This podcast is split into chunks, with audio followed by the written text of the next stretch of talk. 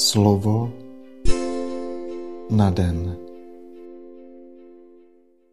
Čtení z první knihy Mojžíšovi.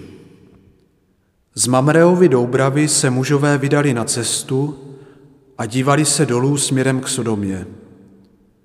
Abraham šel s nimi, aby je doprovodil.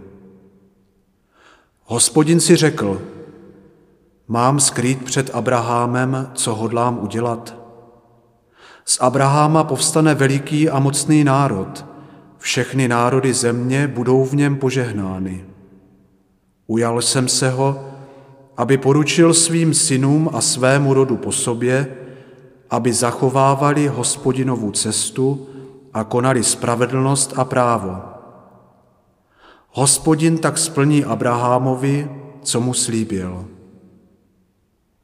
Hospodin tedy řekl, nářek na Sodomu a Gomoru je velký, jejich hřích je velmi těžký.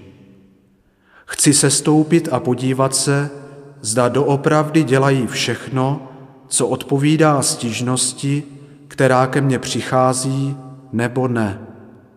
Chci to vědět. Ti mužové se vydali odtamtud na cestu a šli do Sodomy, zatímco Abraham stále ještě stál před hospodinem.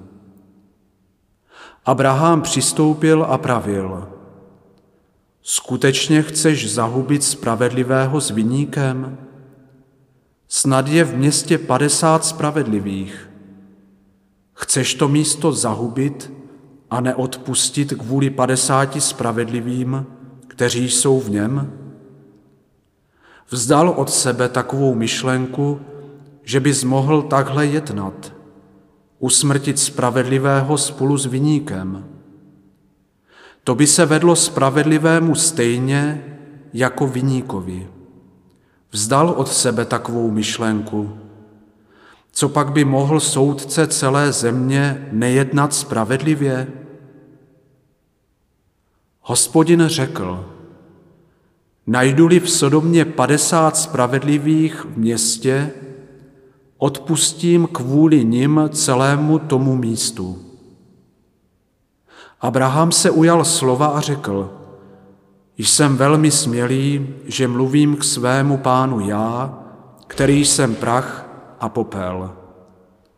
Snad bude scházet pět z padesáti. Zahubíš kvůli těm pěti celé město? Hospodin odpověděl, nezahubím, jestliže jich tam najdu 45.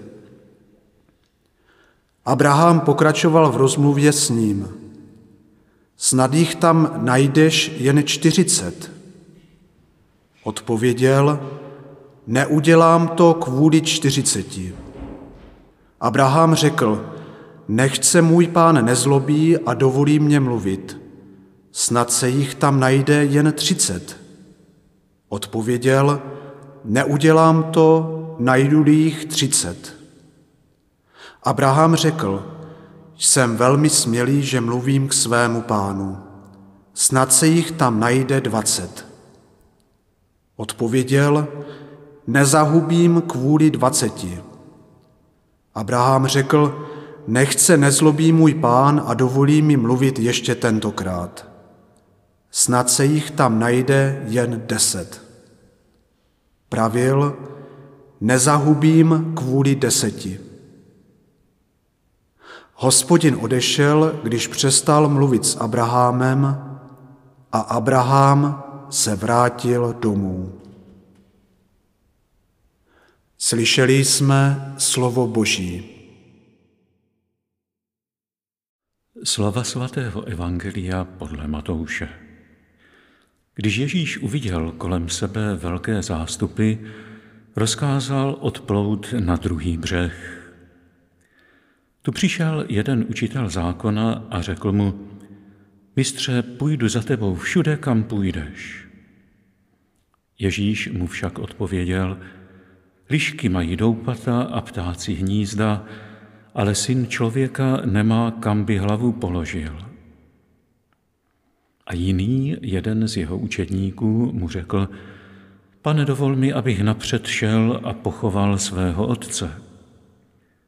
Ale Ježíš mu odpověděl, pojď za mnou a nech, ať mrtví pochovávají své mrtvé.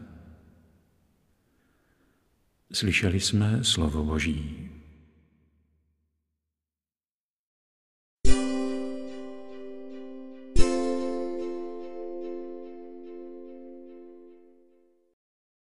V dnešním čtení z první knihy Mojžíšovi vidíme hospodina, jenž si klade otázku.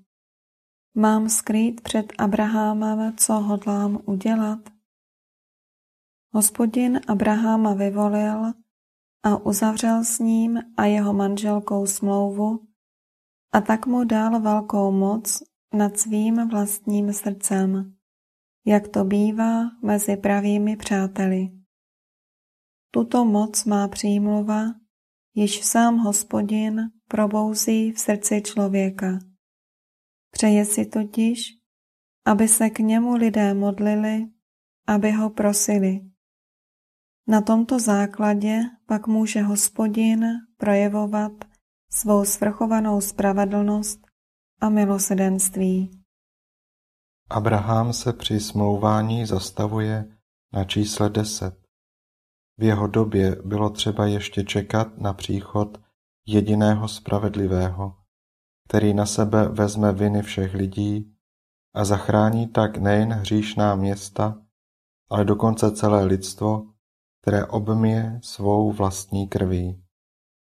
Na tomto základě bude hospodin naším přítelem ještě více než předtím a pozve nás k tomu, abychom měli podíl na jeho spásonosném záměru na poslání Spasitele. Bude to ale vždy jen on, kdo si bude vybírat. Ne vy jste si vyvolili mne, nýbrž já jsem vyvolil vás. Bůh zůstává Bohem a na naší svobodě je, aby k vyvolení a povolání řekla své ano. Ježíše není možno následovat jinak, než na základě lásky k němu. Všechny jiné pohnutky jednoho dne ztratí svou sílu a svůj význam. Pak hrozí, že se probudíme ze snu, který jsme chtěli vytvořit svými vlastními silami. Můžeme se stát Ježíšovými přáteli a přímluvci za jiné pouze za předpokladu, že přilneme k jeho osobě. Toto přilnutí ale nesmí být motivováno nějakou výhodou, která by z něho vyplývala. Musíme se prostě z lásky k němu nechat vyvést na cestu, kde není místo, kam složit hlavu. Takové povolání, je-li opravdové, nelze odkládat. Hodnota Ježíšovy nabídky je nevýslovná. V takovém rozhodujícím okamžiku máme šanci začít uskutečňovat svou pravou velikost, spočívající v přátelství s hospodinem, mocným Bohem, jenž se z lásky k nám stal slabým, aby v našem srdci probudil lásku.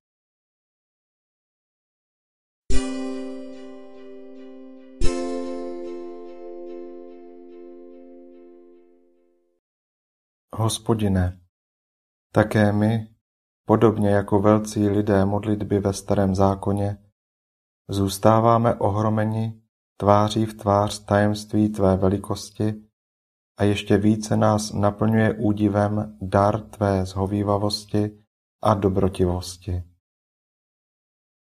Nebesa nebes nejsou sto tě obsáhnout a přece jsi přišel do tohoto světa, a zvolil si život v chudobě a opuštěnosti.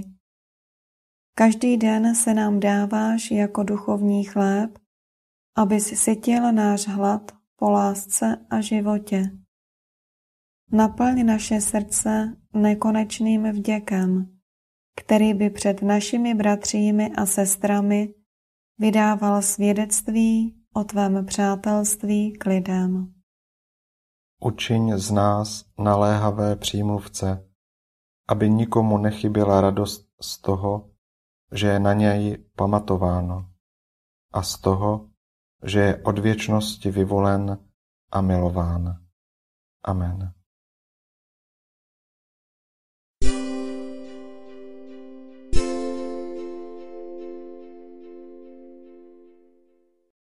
Dnes si často opakuj a žij toto Boží slovo. Hospodin je milosrdný a milostivý, zhovývavý a nadmíru dobrotivý. Slovo na den.